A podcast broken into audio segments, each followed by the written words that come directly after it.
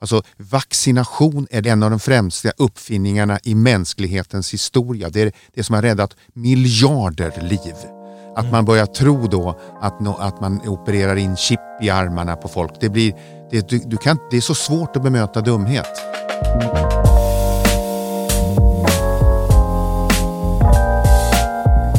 Mitt namn är Staffan Gustafsson. Välkommen till Utforskarvården med Dr. Mikael.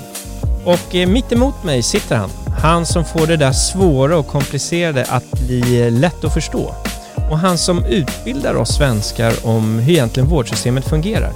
Min favoritläkare. Varmt välkommen Dr. Mikael. Tack så mycket, kul att vara här.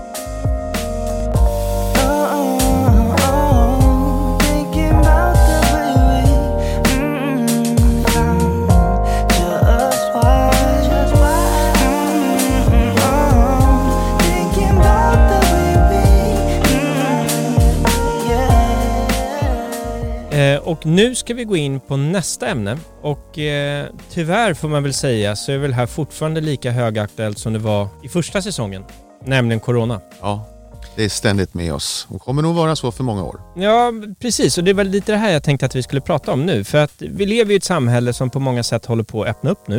Eh, det är liksom släppta restriktioner och så vidare. Till och med arbetena börjar man hitta tillbaka till. Eh, och å andra sidan så har vi människor, och väldigt många människor, som har haft en helt, fått en helt annan vardag nu. Vissa har till och med förlorat nära och kära och man har kanske blivit av med sitt jobb, även om nu två tredjedelar av jobbet säger de börjar komma tillbaka. Eh, och inte minsta så är det här rädslan av att eh, man har ju fått en rädsla för sin egen och andras hälsa på ett annat sätt. Det är lite som att man har fått en klapp på axeln av livet helt plötsligt. Och eh, då tänkte jag att vi eh, skulle stanna upp här och prata lite om vad det är som egentligen händer och eh, få några röster om just eh, Corona. Och min första fråga då, det är egentligen har du koll på hur går det med vaccineringen i Sverige egentligen? Ja, det har jag ganska bra koll på. Just nu är 80 procent färdigvaccinerade. Mm. är, det, är det bra? det är okej. Okay. Det är nu, och det är därför man kan öppna upp nu då, som man gör. Mm. Men vi, vi, måste ju längre förstås för att det här ska funka i, mm. i, ett större perspektiv och ner lite i åldrarna och det är ju självklart nu, nu kryper man ner. Eh, jag vet inte säkert om man någonsin kommer ge sig på förskolebarn. Mm. Men nu är man ju nere på, i, i grundskolan och erbjuder möjligheterna. Mm. Jag läste precis, jag vet inte om det stämmer, men att i Kuba så ska man köra från två år nu. De är först i världen med det. Ja, Men jag har, ingen, jag har ingen mer information än så. Nej, eh, och det testar man säkert och ja. eh, så får man se vart det blir. Men när det blir sådana här olika, det vet man ju, finns det tio olika behandlingar av någonting, då vet man att man inte vet. Mm. Eh, att, eh, visste man eh, så skulle det vara ett, skulle alla göra länder skulle göra den likadant. Mm. Så att vi är i, det är en pandemi och den har tolkats eh, på olika sätt på, i, på, i olika delar av, av, på jordklotet. Men det är förmodligen mest för att man är i olika faser då. Mm. Undantaget eh, utvecklingsländer som inte har de ekonomiska resurserna mm. att behandla. Ja, i, alltså I stora delar av Afrika, Kina, Indien så existerar ju inte intensivvård överhuvudtaget. Nej. Och vissa länder har varit ännu mer drastiska i det här, till exempel som i USA. Eh, Joe Biden han har ju presenterat nu ett förslag för att införa betydligt striktare vaccinationsregler eh, som har, då kan påverka över 100 miljoner människor, eh, eller amerikaner. Och det är två tredjedelar av den totala arbetskraften i USA. Och kortfattat vad den innebär det är att man helt enkelt måste vaccinera sig. Ja. Och det är, ju, det, det är den amerikanska modellen och sen har vi den svenska som bygger på frivillighet. Mm. Och vårt samhälle är ju frivilligare Eh, på något sätt, det kan man väl säga. Eh, så att det är, är, det är, det här är ju politiska beslut mm. snarast. Mm. Eh, och eh, vi är ju väldigt, jag är ju personligen nu då, väldigt personligen, jag är ju emot förbud och tvång och ultimatum. Det finns, jag är ju för vaccination, självklart. Mm. Men att eh, tvinga foliehattar, nu säger jag lite nedlåtande, jag är ju, alltså, vaccination är en av de främsta uppfinningarna i mänsklighetens historia. Det är det som har räddat miljarder liv. Att man börjar tro då att, no, att man opererar in chip i armarna på folk. Det, blir, det, du, du kan, det är så svårt att bemöta dumhet. Men det är inte olagligt eller brottsligt att vara dum i huvudet. Nej.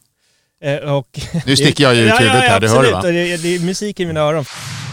Det finns självklart alltså eh, immunbristtillstånd när man inte kan, när man inte vågar. Nej. Alltså när man är rädd för att vaccin och patienten inte har ett bra immunförsvar som ska skapa då antikroppar, som ska mm. skapa skyddet. Mm. Utan man riskerar, och, och det är mycket ovanligt men det finns. Mm. Och då måste man respektera det där.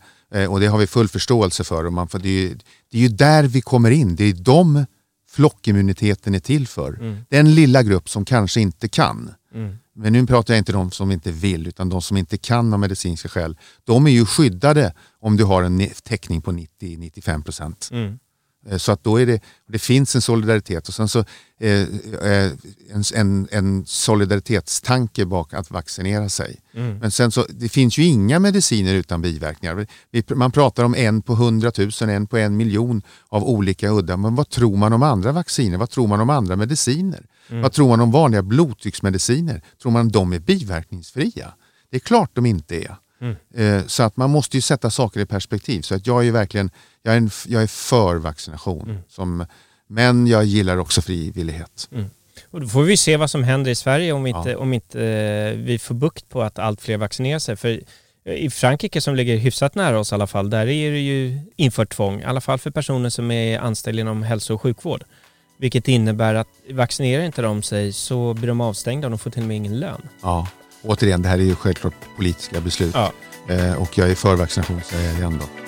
På ett så bra sätt som möjligt.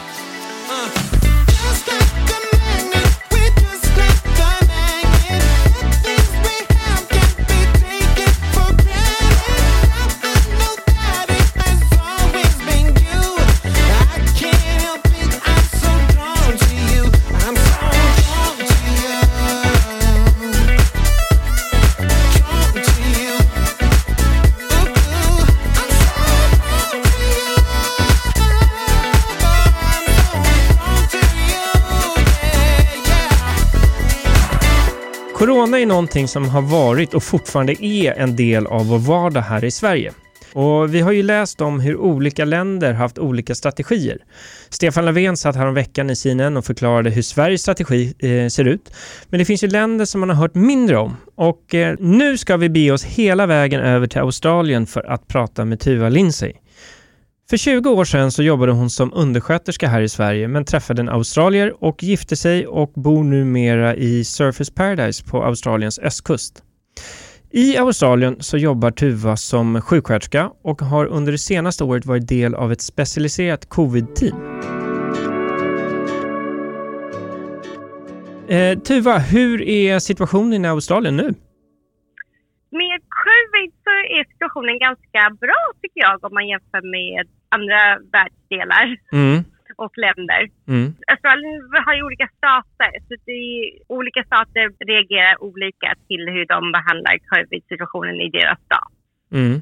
Så jag bor själv i Queensland, så vi har det väldigt bra här. Vi har väldigt få cases mm. just nu. Mm. Inte så många restrictions heller. Mm. Medan New South Wales och Victoria till exempel, som ligger lite söderut, de har mycket striktare restriktioner och flera cases än vad vi har. Så jag tror också vad som hände det i jämfört med Queensland, så i New South Wales för exempel så um, hade de inte lockdown så himla snabbt jämfört med vad vi gör i Queensland. Mm. Här har de varit väldigt snabba på att köra väldigt strikta lockdowns så fort vi har några cases i community. Mm.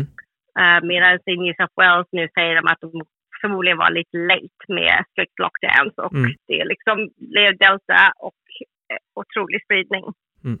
För om jag har förstått det rätt här så jämförelsevis så har Australien ganska få dödsfall.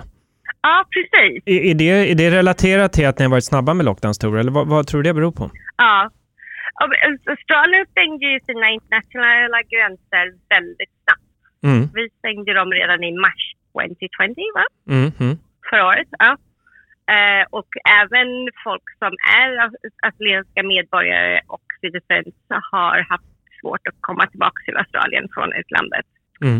Uh, så det har ju stängts ner ja, i över ett och ett halvt år nu uh, med väldigt få flyg in till landet. Mm. Så jag tror det har hjälpt mycket att vi har hållit spridningen borta. Plus att vi har, de har kört väldigt strikta lockdowns. Eh, så fort det är ett eller två cases så är det antingen så är det lockdown i den regionen eller i hela staten.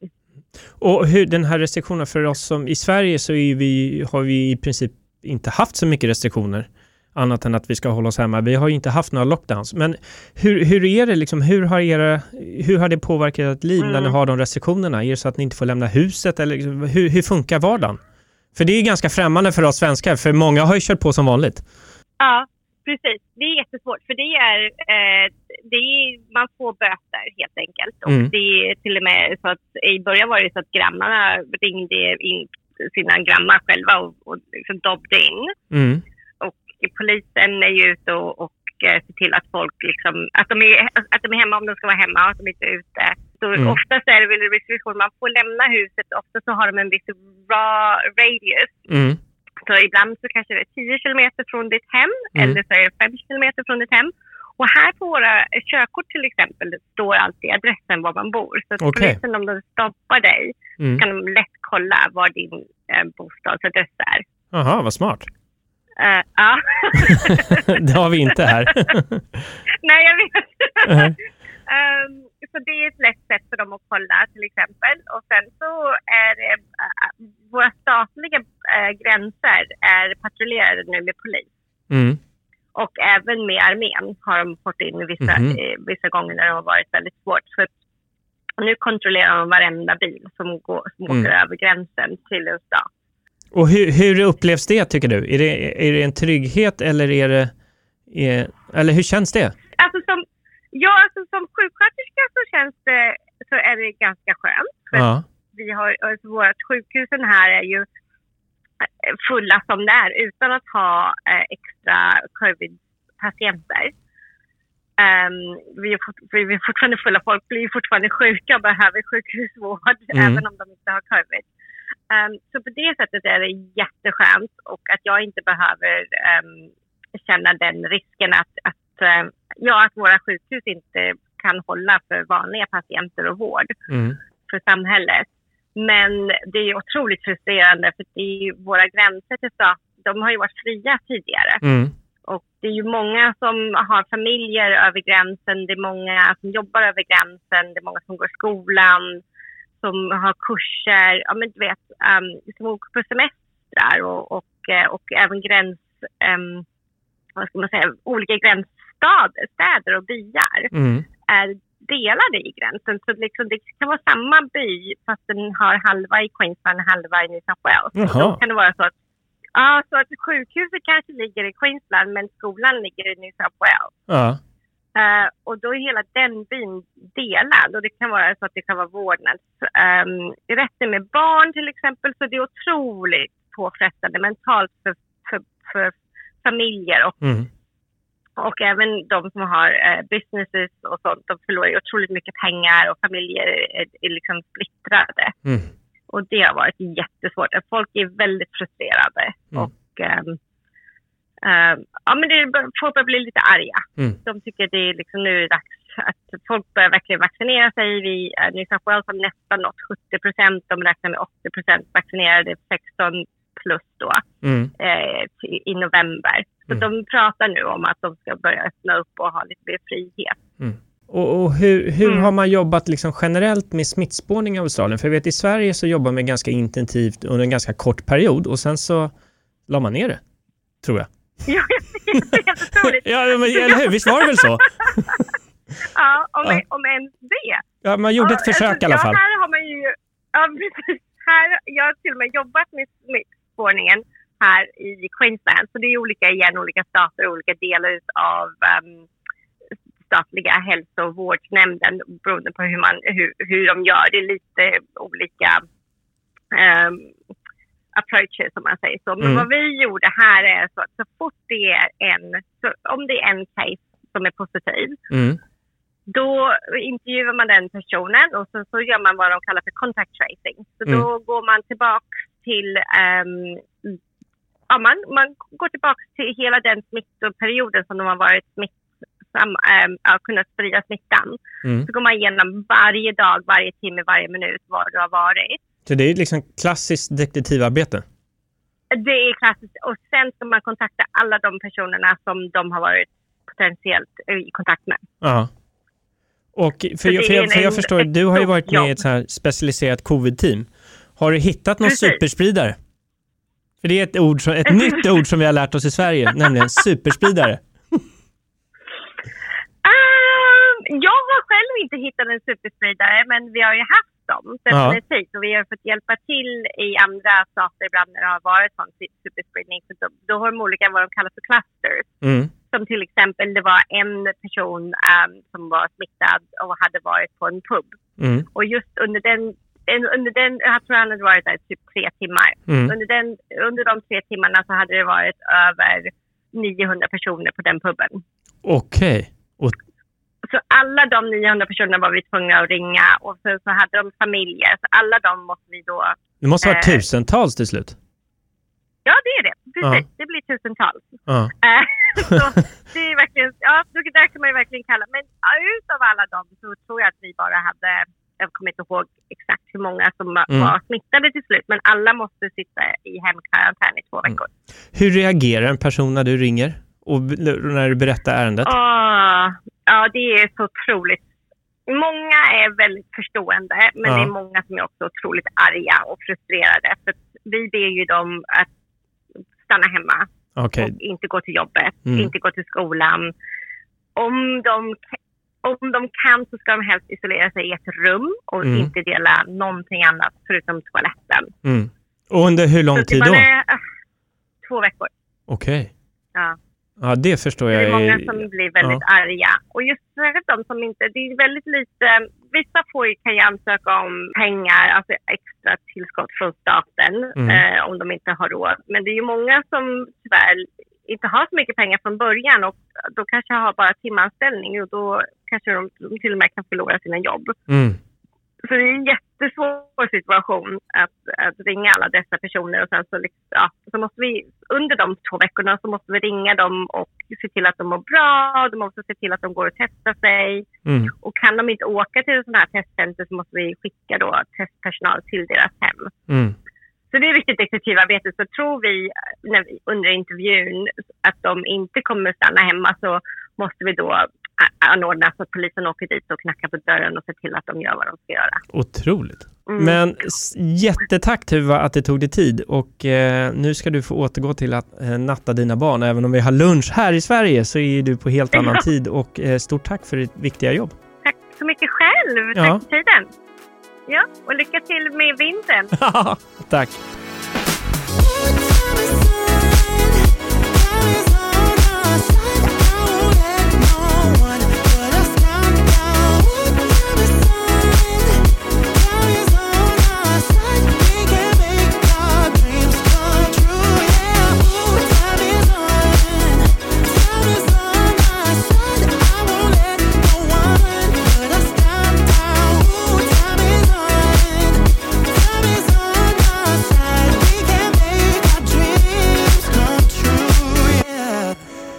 Det finns ju såklart en annan sida av vården, för eh, många människor har ju blivit sjuka eh, och en del har ju tyvärr faktiskt inte klarat sig. Idag så ska jag prata med Kristoffer Hennings. Kristoffer fick som många andra corona under våren 2021. Hej Kristoffer! Hej! Trevligt att vara med. Ja, men tack för att du tar dig tid och vill dela med dig av dina erfarenheter. Ja. Och ska vi kanske ska börja med om du skulle kunna berätta lite om vad som hände med dig den här morgonen eh, kring påsk? Ja, absolut. Vi hade ju varit, eh, som alla andra, väldigt försiktiga där. Men sen blev ju hela familjen sjuka i covid. Både far och morföräldrar och vi. Mm. Eh, I mitt fall så, jag låg ju med hög feber i två veckor. Oh, fy. Och, eh, fick även problem med andningen då. Men det mm. var ändå, nej men det var ändå, det kändes ändå helt okej. Okay. Men, men det, det, var tufft. Mm. Eh, och jag, jag, sökte vård för att se om jag behövde an, liksom få hjälp med andningen. Då. Mm, mm. Men jag hade ju, syresättningen var ju, var ju bra, så jag behövde ingen hjälp där. Okay. Eh, sen frisknade jag till efter två veckor. Jag mm. låg med febern i två veckor och sen så frisknade jag till. Och det här var ju alltså då slutet på april. Då, mm. då, då, jobb, då, jobbade jag ju eh, måndag, tisdag, onsdag. Där, mm. var, helt, var ute och träffade kunder och kände mig helt frisk. Och vad hände? Det, det låter som att det, det, är någonting som kommer smälla till här. Vad hände sen? Ja, precis. Eh, och sen i bilen på väg hem där, onsdag i, i slutet på april, vanlig, eh, sitter och kör, så känner jag hur jag får, skulle kalla det som influensaliknande symptom. Då. Mm. Så, så, att jag känner ont i kroppen, eh, feber, ont i halsen eller illamående. Hela rubbet. Som att det kom bara som, som en blixt eller? Ja, börjar krypa. man känner att det börjar krypa. Ah, ja, ja. Och så, eh, snabbare liksom. Så, och till slut blir jag ju, alltså bara på resan hem känner jag hur jag blir riktigt risig. Mm. Och det rör sig inte om, det, det går ju ganska snabbt. Mm. Så jag åker hem, lägger mig och med ändå konstiga funderingar kring det här. För jag har ju haft coviden och så ska jag dra på någon influensakörare nu. Så det mm. kändes jävligt, så vad fan.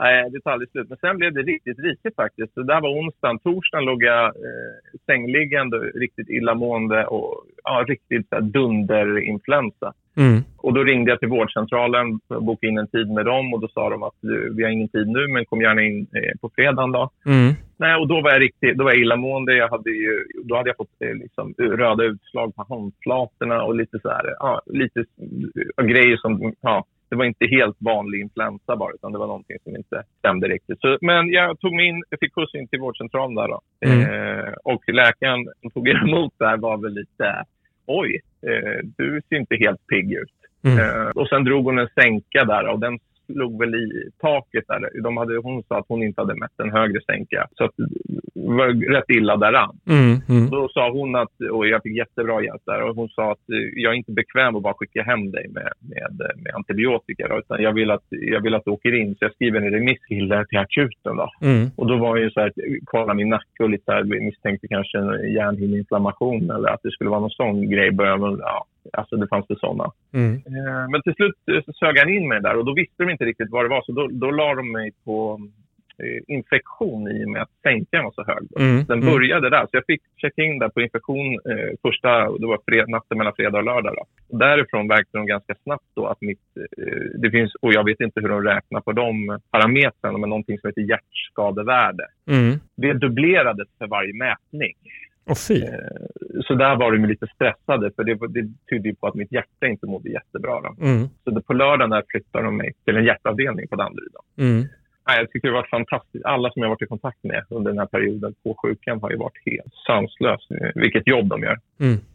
Jag hamnade väl där nere då, på mm. avdelning 91 tror jag den hette. Och jättetrevliga syrror, bra läkare och de försökte ju nysta i vad det här var för någonting. Och sen på söndagen där, jag hade ju kommit in på fredagen och sen på söndagen på hjärtavdelningen, då var jag, så, då var jag riktigt risig. Mm. Då kunde jag inte ligga ner för det kändes som någon ströp mig. Så då var jag tvungen att sitta och så hängde över en stol och jag försökte ha, jag hade Monacos Grand Prix på, på telefonen i, bredvid för att liksom distrahera mig. På något sätt. Jag kände bara att jag behövde ta fokus från det här. Men men, eh, och de märkte väl på mig att jag blev risigare och risigare och det här hjärtskadevärdet blev ju också värre och värre. Mm. Kändes det då liksom som att nej, men det här är på väg att rinna ut i handen? Ja, alltså in, inte då, eh, där nere. Men sen... Ska det bli ännu ju... värre nu eller? Ja, sen, då kände de att det där, ja det eskalerar ju lite där. För sen kände de att vi behöver dra det ett steg till. Så de tog mig från den där fåtöljen som jag lutade mig över, så flyttade de upp mig. Så de sa vi, vi är inte bekväma av att ha kvar här, så vi, vi kommer lägga in det på hjärtintensiven. Då. Mm. Och då var det första gången. För innan det så har jag ändå så här hållit på och, ja, man håller på och skämtar. Och, mm, mm ploja med läkarna och, och, försöker hålla... Och de gör allt för att man ska ha en god ton också, att det inte mm. ska vara en down-känsla. Mm. Utan det, jag tycker de gör ett grymt jobb. Men där när de rullade upp mig på rummet, där, när, när det helt plötsligt var fullt med läkare och sjuksyrror. de såg väldigt tagna ut Eh, syrorna från hjärtavdelningen och sånt där. Då, för, först då kom tankarna på att oj, är det nu det händer på något sätt? Man fick mm. en sån här surrealistisk, vad fan, jag satt i bilen på vägen från jobbet och nu sitter man helt plötsligt på hjärtintensiven och ska bli inlagd här. Mm. Uppkopplad med mätare och övervakning med, med, med, allt sånt där. Det var ju först då när jag fick en sån märklig, märklig känsla. Mm. Och då var det ju risigt. Då var det ju 350 sänka. Min vilopuls var 130 och jag kände oh, ingenting. Och sen jobbade hjärtat på, på 20 procent. Van, vanligen jobbar väl ett hjärta på 60 som jag fick berätta ja. för mig. Så att då var jag riktigt risig. Och sen ganska snabbt efter att jag blev inlagd på hjärtintensiven så läkaren där, hon som var jourhavande då, hon kom in och sa att vi tror vi har knäckt koden på vad det är du har för någonting. Jaha, och, och vad var det då? Det var ju eh, någonting, så det, det är man ju kul att man får vara lite unik också. Men det är ju en, barn, en barnsjukdom, eller det är barn som har råkat ut för det mest. Eh, det heter MISA för adults då, och MISC för child. Så, okay. Så, som jag förstod det så var det på statistiken så var det 250 barn och 12 vuxna i Sverige som hade fått det här efter covid. Då. Vad heter det? Hyperinflammation som sätter sig eh, på, på kroppen. Då, så att man får det här som efter man har haft covid? Yes. Så det kommer, det kommer ganska precis sex veckor efter att man har insjuknat. Eh, då kickar de igång, så då skickade ju, så det var ju Astrid Lindgrens barnsjukhus som skötte min medicinering. Okej. Okay. Det var kul att man fick vara ung igen. Ja, men fick du ehm, plats i sängen? Förlåt, man får Precis, det var lite så. nej, lite så. Men, nej, och det var lite kul, vi skämtade sen när jag var frisk att jag tar pannkakorna för barnmenyn där. Och lite, ja. ja det blev lite sån där barn, barn ja, men, Så du fick men, åka och du lades in på Astrid Lindgren då? Eller? Nej, utan nej. de skickade mediciner med ambulans. Okay. Och, ja. och skötte liksom medicin, alltså de skötte doseringen för att de hade haft mest erfarenhet av det där. Ja, jag förstår. Eh, så de sköt in immunförsvarsdämpande. Eh, och sen så kopplar de ju på massa andra mediciner också självklart. Uh-huh. Och sen efter jag fick den, då gick det ganska snabbt. Försvann feber och de här influensakänslorna och lite sånt. Men jag blev ju kvar, totalt blev det ju tio dagar. Okej. Okay. På, hjärt, på hjärtintensiven låg jag väl kanske tre dagar, något sånt uh-huh. där. Eh, och sen blev jag nedflyttad till hjärtavdelningen på Danderyd igen. Då. Nej, nej, men och jag förstår när du låg där inne, man får inte ta emot besök nu under pandemin. För jag vet, du har ju barn och liksom eh, familj, men hur, hur var det att inte kunna ta emot besök? Ja, jag har ju aldrig varit från barnen tio dagar låg på hjärtintensiven lyckades ju uh, liksom klämma sig in med, mm. med, med, med ursäkten att uh, komma och lämna lite grejer till mig. Då. Och på mm. hjärtintensiven, där ligger väl folk som, de tänjer väl kanske lite på gränserna där. Då. Mm. Uh, men, men hon kom in och det var inte länge så jag träffade väl henne. Hon satt där en timme kanske. Mm. Det är ju tufft. Mm. Med, med, med, lockdownen som är, och jag vet inte om det är fortfarande, men som var i alla fall då. Mm. Man inte får träffa familjen, det är ju inte, inte peppande. Nej. Men personalen är ju fantastisk, de som jobbar med det. Mm. De är ju ändå uppåt och det känns som att varje dag var solsken på något sätt. Mm. Så det var ju fantastiskt bemötande överallt. Mm. Verkligen positivt. Och hur, hur mår du idag då? Typ ett halvår senare? Det är ju absolut, jämfört med hur det har varit så är det helt okej. Okay. Det jag har kvar det är nästan som en... Eh, kroppen hanterar inte stress jättebra. Nej. Att eh, I morse till exempel får jag en sån här, även fast jag inte egentligen är stressad så får jag illamående känslor och, och, och jag känner mig stressad fastän jag inte mm. har någonting att stressa över egentligen. Har du kunnat gå, börja gå tillbaka till arbete och så? Ja, så att jag är uppe och jobbar 50 procent nu på jobbet ja. igen. Då. Och det känns väl bra, har känts bra hittills. Men idag hade jag faktiskt en liten dipp. Så att, okay. eh, det, det, går sakta framåt. Men att komma ut och att det är, var sommar gjorde mycket mentalt också. Mm. Så jag tror att det, det, är svårare att komma ut efter sån där grej och sen är det mitten på januari kolmörkt. Mm. Hade det varit det så hade det varit tufft. Men nu, nu var det ändå sommar och folks mun, mungipor går ju upp på sommaren ändå. Mm. Så att det är väldigt mycket positiva tongångar runt eh, när man, alltså, att man kommer ut och mycket besök. Och, ja. Mm. Eh, och en annan fråga då, liksom, hur reagerade din kropp och muskler på att ha legat i sängen så där länge? Det går ju snabbt neråt. Mm.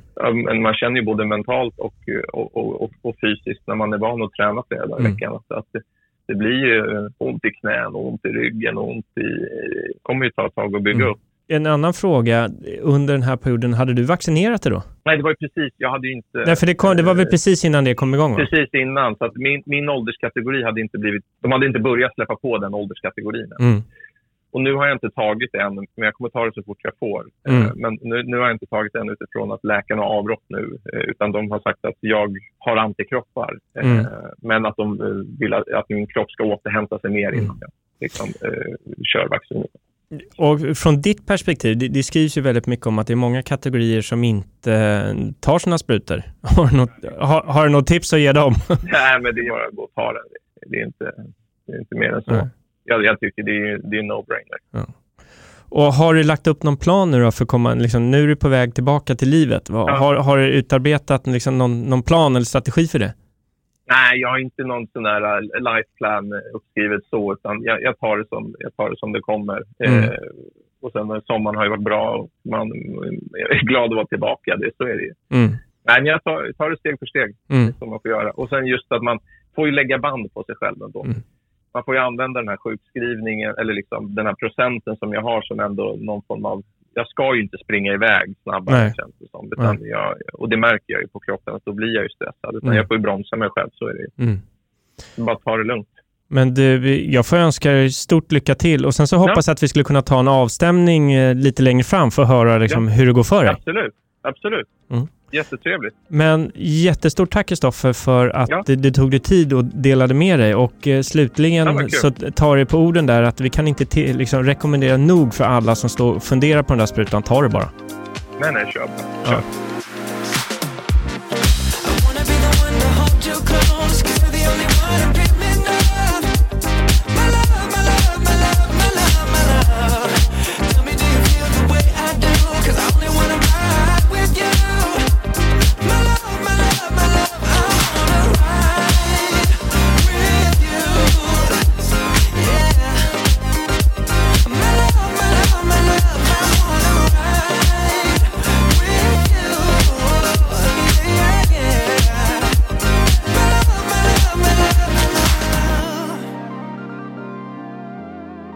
Nu ska vi prata med Sara Lindvall som jobbar som undersköterska på IVA i Malmö. Och vi ska nu faktiskt få en unik inblick i hur hennes vardag har sett ut under den här pandemin.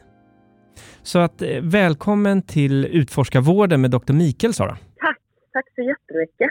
Och det, kan inte du börja med att berätta, liksom, hur har din vardag sett ut under de senaste ett och ett halvt åren? Alltså den har väl, eh, den har väl varit lite, lite rörig kan man säga. Den har väl inte sett ut som någon annans vardag, höll jag på. Nej, men det har väl varit jobb och eh, restriktioner och fritid. Men lite mer upp och ner, mm. kan man säga. Och jag har läst någonstans om eh, att du faktiskt har fått dåligt samvete under pandemin. Kan, kan du berätta lite mer, mer om det? Ja, alltså på IVA i Malmö så har vi eh, vanligtvis, vi har ju väldigt, väldigt sjuka patienter nedsövda och liknande. Uh, vanligtvis så brukar vi ju ha två patienter på sal. Det är alltid uh, en undersköterska och en sjuksköterska på två patienter.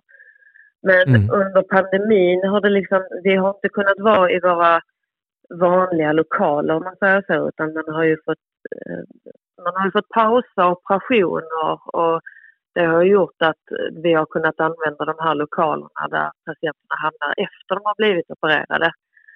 Mm. Eh, och där har vi liksom fått ha fyra patienter per sal. Eh, möjligtvis två sjuksköterskor, tack och lov. Men eh, oftast fortfarande en undersköterska. Och vi, var, varje dag så har vi hand om våra patienter och då är det liksom Ja, men vi tvättar dem och vi borstar tänderna och borstar håret och bäddar i sängen och liksom ser till så att de är rena och fina och fräscha och man rakar dem och ja, så här, pissar till dem. Mm. Men under pandemin, alltså det, det är liksom, det är inte möjligt. Det är helt, helt omöjligt att hinna med fyra patienter på en morgontur. Och då har det liksom blivit att Ja, men eh, man har inte prioriterat direkt att raka patienterna eller man har inte kunnat prioritera att tvätta håret för patienterna. Och man har liksom fått lägga om hela arbetet. att eh, Man tar det man hinner på morgonen men sen så de som kommer på eftermiddagen får antagligen ta en patient och tvätta och sen på kvällen kommer det ett nytt gäng med personal och då får de ta en patient och tvätta. Men man går ju liksom ständigt, ständigt med det här dåliga samvetet att man aldrig mm. hinner med. Man är mm. aldrig tillräcklig och jag brukar gå in med inställningen att man ska försöka liksom, på varje pass ska man försöka göra något sån här liten, liten, liten extra grej. Det behöver inte vara något stort eller sånt här utan bara en liten extra grej. Men, men det gick inte. Nej. Alltså det är helt omöjligt att gå runt med den här ångesten och det dåliga samvetet över att man inte har kunnat göra vad man brukar liksom hinna med. Det är fruktansvärt, fruktansvärt jobbigt mm. faktiskt. Och hur har det varit? Är, är det de här känslorna som du tar med dig när du går av ditt skift eller går det att stänga av det här när, liksom, när du jobbat klart för dagen eller natten? Nej, alltså vanligtvis eh, med de vanliga IVA-patienterna så tycker jag att jag är ganska duktig på att stänga av det. Det blir på något sätt att man tar av sig sina vita sjukhuskläder och då lämnar man liksom jobbet. Men mm. under pandemin har inte det gått utan man, man är konstant ledsen, man är konstant trött, man går liksom och tänker hela tiden, hade man kunnat göra något annorlunda? Och, eh, samtidigt så har man ju känt fruktansvärt ont i magen liksom, för att man ska gå tillbaka till jobb och så samtidigt känna att man inte hinner med den här dagen heller. Det, mm. Nej, det har inte alls gått att koppla av från jobb faktiskt. Tyvärr. Nej.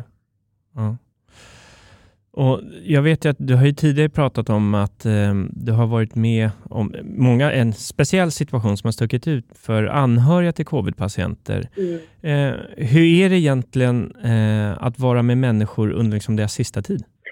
Alltså, jag kan säga att vanligtvis, eller vanligtvis, inte vanligtvis, men det händer ju på intensivvårdsavdelningen att att vi får in patienter som hinner avlida innan anhöriga kommer in, om de är med om en traumatisk mm. olycka eller sånt här. Så att detta är egentligen ingenting som är jättefrämmande för oss. Men mm. eh, när det blir en sån här stor utsträckning, alltså när det blir så många patienter, då blir det liksom en helt annan sak. Men mm. eh, det är liksom på något sätt, det är fruktansvärt sorgligt och det är jättetragiskt och man är jätteledsen. Det, det, liksom, det tär på en själv. Men samtidigt är det också fint för att man känner liksom att man får göra någonting för den här människan. Alltså man gör verkligen det, det absolut bästa man kan för den här människan och då är det liksom bara den här människan i fokus. Det är ingen annan patient som man eh, liksom Eh, springer ifrån och ska göra någonting med utan man sitter hos den här patienten och man lämnar liksom inte den här platsen i princip. Mm. Ja, och jag tror det är svårt för många att ens föreställa sig hur det är att vara i er situation. Ja. Eh, så att, och, och, och, lite med det sagt, liksom, hur, hur, känns det för dig då när du har personer, kanske vänner eller vad nu, som klagar på att nej, nu kan jag inte åka till Thailand i jul för det är restriktioner. Hur, hur, hur känns det då som har ett helt annat perspektiv än den stora massan eh, av oss andra? Ja, alltså det är ju så svårt att förklara. Man, det enda man kan göra är liksom, man himlar med ögonen och säger liksom att ja, vad synd om dig, men det kommer kanske fler år. Liksom. Du får åka till Thailand någon annan gång, men just ja. nu får du nog hålla dig hemma. Liksom. Ja, det är, ja. Jag tror inte riktigt folk har förstått uh, hur pass jäkligt det har varit. Um, och det enda Nej. vi kan säga liksom, är gå och vaccinera er. Det är, det är liksom det enda mm. vi kan uppmuntra till i princip. Mm. Men du, stort tack eh, för att du tog dig tid och återigen, stort tack för eh, det fantastiska jobb som ni gör. Tack själv. Tack så jättemycket. Och detsamma, tack själv för att ni upplyser detta här så folk får höra. Eh, det är det minsta vi kan göra. Och eh, ha en bra dag. Tack detsamma.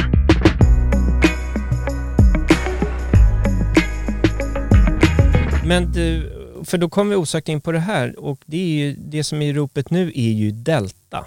Ja. Vad är det egentligen? Det är en variant på, eh, som är lite mer smittsam eh, av viruset men inte givet farligare. Sjukdomstillståndet blir inte värre men den smittar lite mera. Så att om du sätter 100 pers i ett rum och så, eh, så kommer fler av dem bli smittade än med de andra varianterna. Och det blir ju så här, att, och det kommer att komma fler varianter på, alltså för ju varje gång ett virus delar sig så kan det mutera. Mutera betyder att ärftlighetsanlagen i viruset då mm. kan förändras. Och det är det som också är att varför ska man behandla alla? Varför ska hela, alla kontinenter... Det är därför att ju, fler gång, ju fler som blir immuna desto färre gånger de, delar sig viruset. Mm. Så det finns en, det är också en, en tanke där i att om man släpper det hela löst i tio år först så kommer det komma hundra eller tusentals deltor eller, eh, eller nästa bokstav i, i alfabetet. Mm. Det kommer ju inte räcka till därför att det har delat sig så många miljarders miljarders miljarder mm. gånger. Kan man eh, snöpa det där i sin linda så blir problemet mindre. Men just delta, det, det tas ju fram till, alltså när man beskriver det här, det har muterat. Men det är väl inget ovanligt? Nej, alltså det förekommer ju hela tiden. Jag har ju pratat för att sätta det lite i perspektiv. Vi har ju cancer i oss varje dag.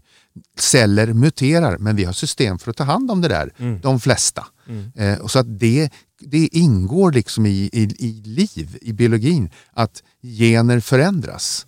Men kan det vara ett sätt för viruset också att säkra sin egen överlevnad? Ja, den har ju ingen annan uppgift än att fortplanta sig. Nej, så, så blir den för dödlig så ja.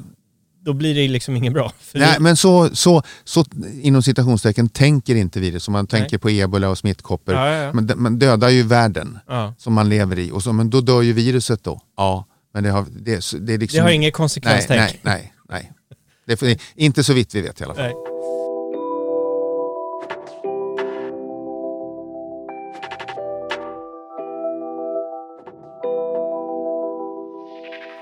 Som du sa inledningsvis så är det någonting vi kommer få leva med länge.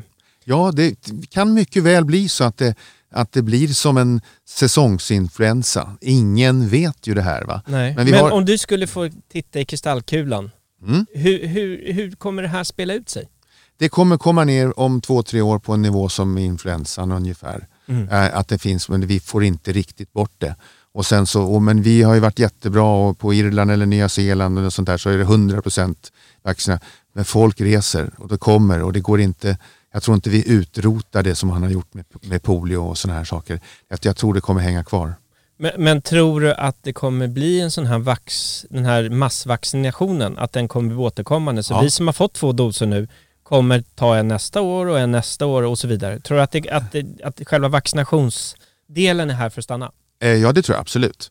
Eh, och jag tror att eh, den första, den tredje dosgruppen nu, eftersom målet är att man ska vara vaccinerad två gånger. Det är mm. det övergripande målet nu då, kan vi säga i, i världen. Mm. Och jag tror att om två, tre år så där så kommer man nog, eh, man har redan diskuterat riskgrupper för en tredje. Mm. Det handlar ju om att trigga, boosta eh, immunförsvaret och det finns ju andra tillstånd där man vaccinerar sig flera gånger och det kommer nog bli med det här också. Mm. På en liknande nivå av influensa.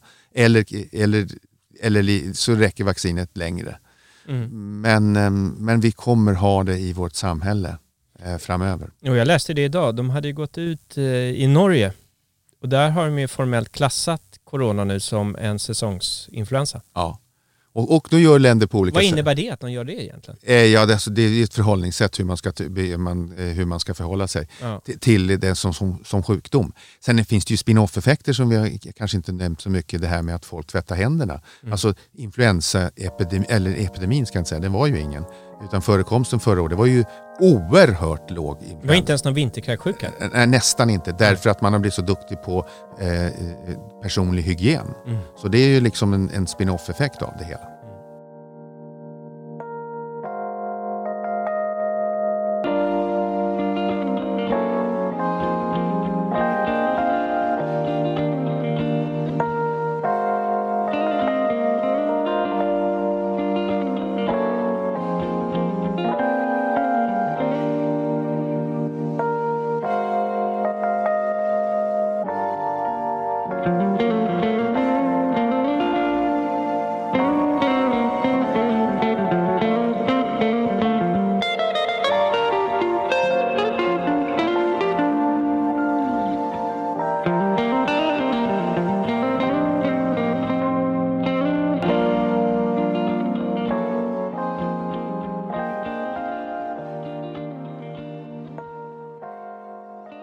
Med oss idag så har vi Charlotte Ulfsberger som är chefpsykolog på Ahum.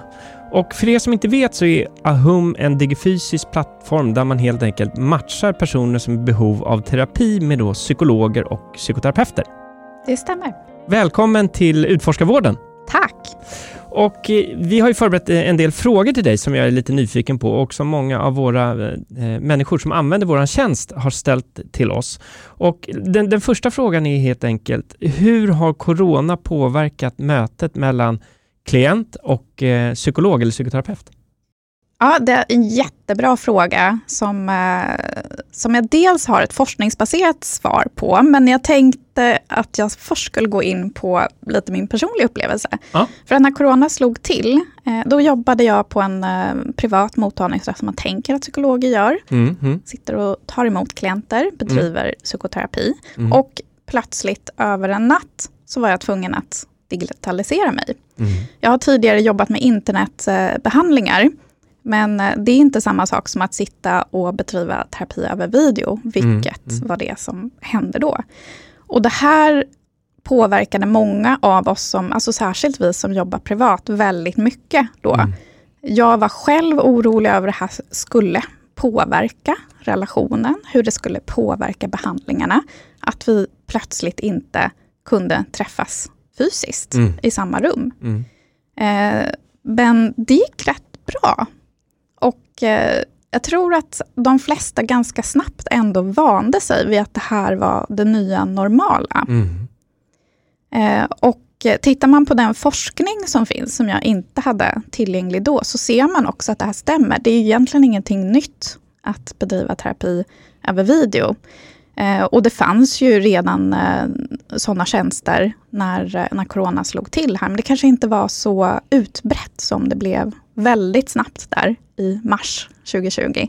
Men om man tittar exempelvis på Australien där avstånden är jättestora, så har det här funnits tillgängligt för de som bor ute på landsbygden sedan många, många år och det har bedrivits forskning om hur det här påverkar behandlingarna. Eh, och i år så kom det en så kallad metaanalys, det vill säga en sammanställning av alla tillgängliga studier av god kvalitet på hur påverkar det dels effektiviteten i behandlingarna, hur påverkar det relationen så som klienten upplever det. Och resultatet var att det gör inte så stor skillnad att bedriva terapi över video istället för i ett fysiskt rum. Ja. Men så du säger att liksom det digitala mötet, det är här för att stanna? Ja, det tror jag definitivt att det är. Och har, har ni sett eh, om hur då corona och den här pandemin har påverkat eh, demografin av de olika människor som, som söker hjälp? Är det liksom nya klientgrupper som söker sig till er, eller hur har det här förändrats?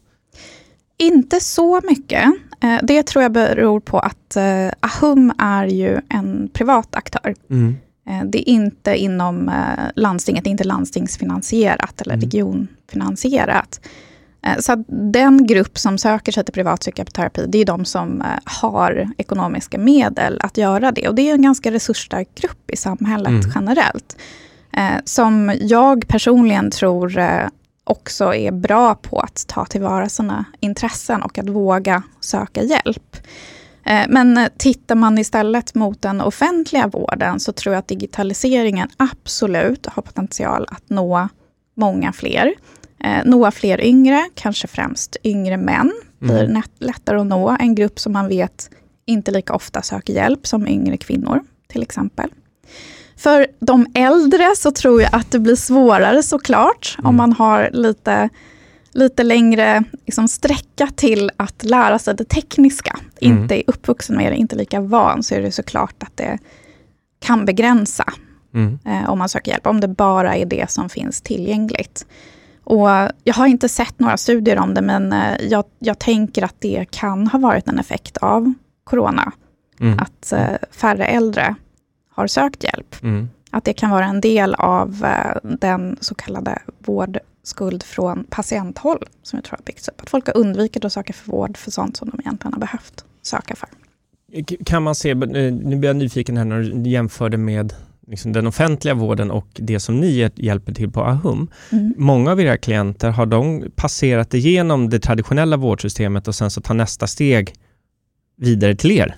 Ja, det är inte så ovanligt alls eh, om man tittar på gruppen som, som söker privatpsykoterapi generellt. Mm. Det vanligaste är väl att man har varit på vårdcentralen, mm. kanske fått träffa en psykolog där, eh, mm. men upplevt att det inte har räckt till. Mm. Jag förstår.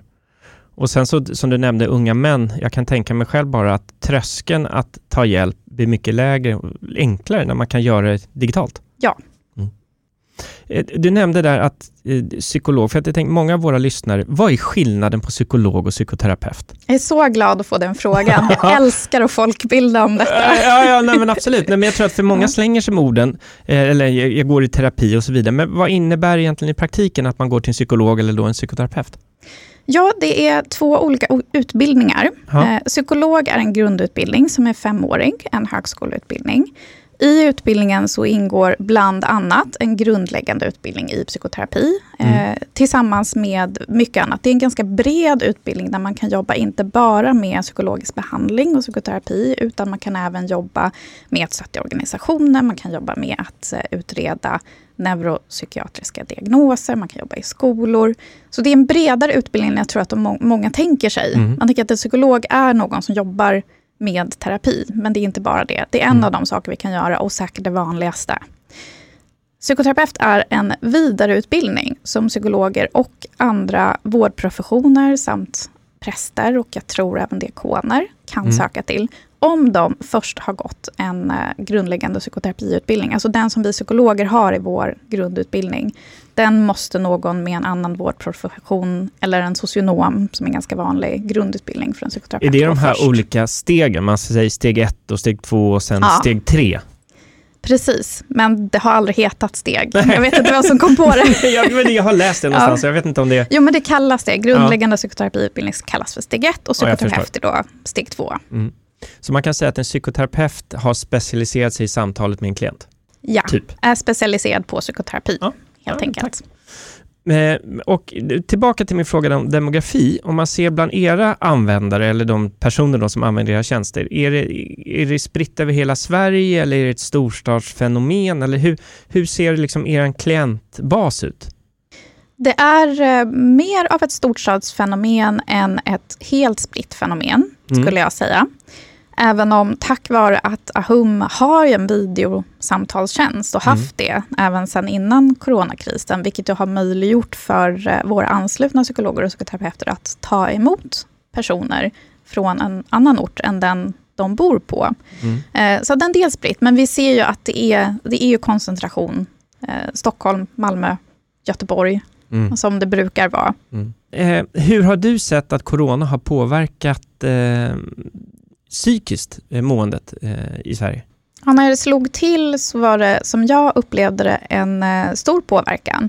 Och någonting som för mig som psykolog var väldigt nytt var att gå igenom samma kris som drabbade oss alla, som drabbade mina klienter. Mm. vi är väldigt vana att möta människor i kris, men det är inte så ofta som vi själva är påverkade av samma kris, mm. om man säger så. Så det väckte många frågor hos mig och eh, många av mina kollegor att eh, hur förhåller vi oss här? Mm. Vi, vi kan inte riktigt sitta i den vanliga psykolog eller psykoterapeutrollen där vi står utanför, vilket faktiskt är en viktig funktion. Varför man går till en psykolog och psykoterapeut är ju kanske inte alltid bara för att man behöver hjälp av någon som kan bedriva psykoterapi, utan en viktig faktor är också att det är inte en person jag känner. Det är inte någon som är involverad i mitt vanliga liv som står utanför. Och förvisso var vi ju inte involverade i klienternas liv, men vi var ju ändå påverkade av samma kris. Mm. Vilket gjorde den där gränsen en aning luddigare, mm. Eh, upplevde jag och, eh, och flera av mina kollegor. Mm. Eh, sen så tror jag att särskilt vi psykologer, vi har kanske en tendens att ibland överpsykologisera saker. Att vi tror att det påverkar mer än våra klienter faktiskt upplever. Mm. Eh, men, men det var ju speciellt mm. på så sätt. Sen när det gäller hur folk mådde, eh, så kunde man se faktiskt lite oväntade effekter. Mm. Inte helt ovanligt, och det här är helt anekdotiskt, det vill säga jag har inga siffror på det här, mm. men det här är en upplevelse som jag hade och som jag också hört från många andra psykologer. Man upplevde att personer som liksom har lidit länge med ångest och särskilt mer orosbetonad ångest, plötsligt mådde lite bättre, för nu var alla oroliga. Ah. Nu är man inte onormal längre. Nej. Inte så som man är van att vara i alla fall. Fascinerande. Ja. ja. Eh, och andra mådde ju såklart mycket, mycket sämre av den eh, liksom ökade oron och isoleringen som, som följde på den här pandemin. Mm. Så att både bättre och sämre mående initialt. Eh, sen nu har det ju gått ett tag, vi är ännu inte riktigt ur det, så jag tror mm. inte man kan säga någonting om långtidseffekter än. Mm. Men eh, jag läste att eh, man har ändå tittat lite på men hur verkar ha påverkat på lång sikt och sett att ja, men vi har inte fått den där eh, lavinartade ökningen av depression och ångestproblematik som man kanske befarade att det här skulle leda till. Mm. mm. Utan det verkar som att vi har kunnat ta oss igenom det här hyfsat bra. Kanske beror det på att vi har haft den internationellt sett lite ovanliga strategi som vi har haft i Sverige för corona. vi har inte haft lockdowns, det har mm. inte kanske påverkat i praktiken lika mycket som om du till exempel har bott i USA eller i England. Eller, mm. ja. Det kommer bli jättespännande att se vilka slutsatser vi kan dra sen när man kan sammanfatta de olika ländernas strategier. Ja. Men har, har ni sett, nu när har vi liksom samhället i alla fall i Sverige börjat öppna upp lite mer. Har ni sett att klienter vill börja gå tillbaka till fysiska möten? Har de ökat nu så att det börjar liksom gå tillbaka till en till någon mer liksom vardag? Eller är det fortfarande det liksom digitala mötet som är, som är det mest populära? Det har ökat med fysiska möten, ja. skulle jag säga. Det finns många som har längtat efter det mm. igen. Eh, och sen faktiskt många som det, inte, som, som det inte funkar så bra för med det digitala. Mm. Eh, och jag tänker då inte bara äldre, utan eh, personer som behöver komma till det där trygga rummet för att kunna ha sekretess. Mm. Mm. Eh, en grupp som eh, blev drabbad särskilt mycket när man inte kunde ses fysiskt i rummet är personer som lever med en partner eller med föräldrar som utsätter dem för våld, hot och kontroll. Mm. Då kan man inte garantera sekretessen. Det är väldigt lätt för den anhöriga att övervaka. Mm. Och då kan man inte gå i sina mm. samtal mm. längre. Eh, så att för den gruppen att få komma tillbaka till sitt trygga, säkra fysiska rum, där ingen annan kan avlyssna dig, om mm. man säger så eh, tror jag är jätteviktigt. Eh, men, men sen så tror jag att många helt enkelt också bara har längtat efter att få sitta i ett rum med en människa igen mm. och inte bara framför en skärm hela tiden. Eh, men det är inte så att det skiftar tillbaka till hur det var innan pandemin, som jag mm. upplever det. Utan det är en liten ökning. Mm. Men eh, jag tror att många har upptäckt fördelarna med det digitala mötet också. Så mm. det, det, kommer att ha en stor plats. Det gör det mycket enklare för många att kunna gå i terapi. Man mm. måste inte lägga tid på att ta sig fysiskt mm. till en viss mottagning. Utan det går att få ihop det med livet mm. på ett enklare sätt. Det sägs ju att människan är en social varelse. Mm. Om du i din profession, hur viktigt är det fysiska mötet mellan individer? Ja, för mig personligen så är det faktiskt viktigt. Jag skulle inte trivas med att vara helt digital. Nej. Eh, men jag gillar kombinationen, har jag upptäckt. Från mm. att ha blivit inslängd i det, mer eller mindre över en natt. Mm. Och eh, varit orolig över hur påverkar det här? Kommer det att bli lika bra? Jag ser bara huvudet, jag ser inte hela kroppsspråket. Jag får ingen ögonkontakt. Mm. Hur påverkar det? Mm. Kommer de att uppleva mig som oempatisk nu, mina klienter? Mm. Det är lite så här, nej men det funkar faktiskt. Mm. Och det är, alltså jag vill ju att det ska bli så bra som möjligt för mina, mina klienter. Eh, jag ska säga, jag har en liten privatmottagning kvar, även om jag jobbar till större delen på HUM också. Men jag mm. vill att det ska bli så bra som möjligt. Det vill alla psykologer och psykoterapeuter. Så att jag är faktiskt tacksam över att eh, den här krisen kastade in hela vårt skrå i den här digitaliseringen. Mm. För att annars kanske vi inte hade vågat. Nej. Alla av oss. Mm. Många fler har tvingats våga och därigenom tror jag upptäckt att eh, det här är ytterligare ett sätt som vi kan anpassa vad som blir bäst för den här mm. klienten. Mm. Stort tack Charlotte för att eh, du tog dig tid och för att svara på våra frågor eh, som jag hoppas kommer vara till stor hjälp för eh, många av våra lyssnare. Stort tack! Tack för att jag fick komma.